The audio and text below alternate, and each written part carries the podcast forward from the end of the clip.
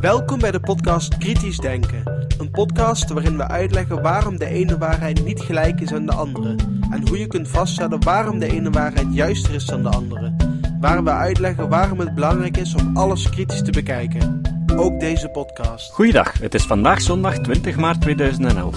Ik ben Jozef van Giel en dit is de 83ste aflevering van deze podcast. Deze aflevering kwam volledig tot stand dankzij Rick de Laat. De muziek is van Nick Lucassen. Om het bij kritisch denken nu eens niet altijd te hebben over hoe denken kan ontsporen, zetten we hier voor de verandering eens een vertaling van een wetenschappelijk artikel Primates' unique gene regulation mechanism, little understood DNA elements serve important purpose. Dat een mogelijke doorbraak in de geneeskunde aankondigt. Let op het woordje mogelijk. Hier geen bombastische reclame voor weer eens een nieuwe alternatieve geneeskundige hype, maar een voorzichtig aankondigen voor een ontdekking die, als alles meezit, onze geneeskunde grondig zou kunnen verbeteren. In dit artikel word je om de oren geslagen met allerlei ingewikkelde termen en afkortingen. Laat je daardoor niet ontmoedigen, maar aanschouw hoe langzaam complexe celprocessen steeds meer van hun geheimen prijsgeven door moeizaam en duur onderzoek door vele gespecialiseerde wetenschappers. Vergelijk dat eens met de eenvoudige oplossingen van bijvoorbeeld de homeopathie, die het zich kan veroorloven met wat simpele principes te beweren dat ze bijna alle ziekten kunnen aanpakken, zoals het gelijke met het gelijke behandelen en verdunnen, verdunnen, verdunnen, verdunnen. Hoe simpel kan het zijn? Het unieke genregulatiesysteem van de primaten, weinig begrepen DNA-elementen, dienen belangrijk doel. Wetenschappers hebben een nieuwe manier ontdekt waarop genen worden gereguleerd, die uniek is voor de primaten, waaronder de mens en apen. Hoewel het menselijk genoom, alle genen van een individu, tien jaar geleden werd gesequenceerd, is een beter inzicht in hoe genen functioneren en gereguleerd zijn nodig om vooruitgang te maken in de geneeskunde, met inbegrip van het aanpassen van de manier waarop we een brede waaier van ziekten diagnosticeren, behandelen en voorkomen. Het is ontzettend waardevol dat we een groot deel van het menselijk genoom hebben gesequentieerd, maar sequentie zonder functie brengt ons niet erg ver.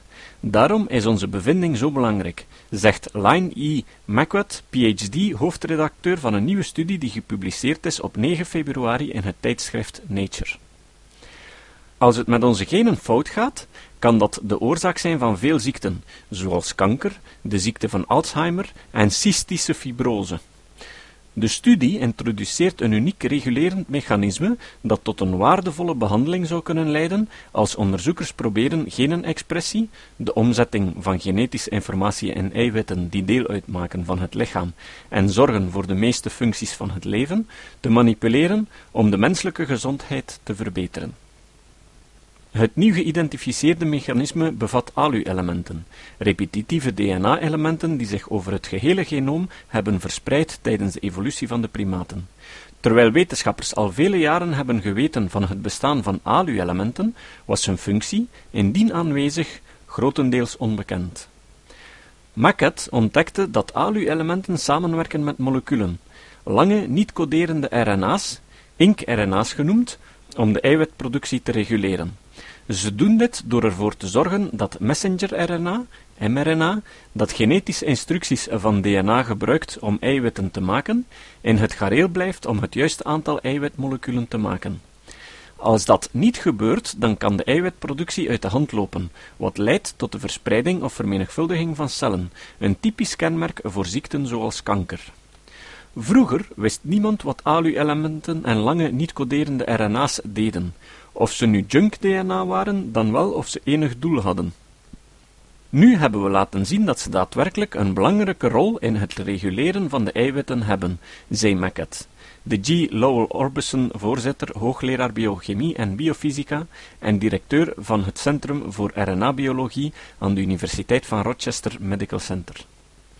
De expressie van genen die ontstaan voor de ontwikkeling van eiwitten gaat in vele stappen, die allemaal in een precieze volgorde nodig zijn om de juiste timing en de hoeveelheid aan eiwitproductie te bereiken.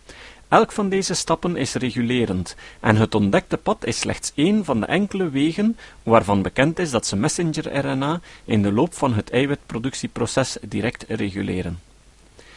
Reguleren van mRNA is een van de vele manieren waarop cellen genexpressie controleren en onderzoekers van instellingen en bedrijven over de hele wereld focussen zich op dit regulerende gebied op zoek naar nieuwe manieren om ziekten te beheersen en te behandelen. Volgens Maquette, dit nieuwe mechanisme is een echte verrassing. We blijven versteld staan van al de verschillende manieren waarop mRNA's kunnen worden gereguleerd.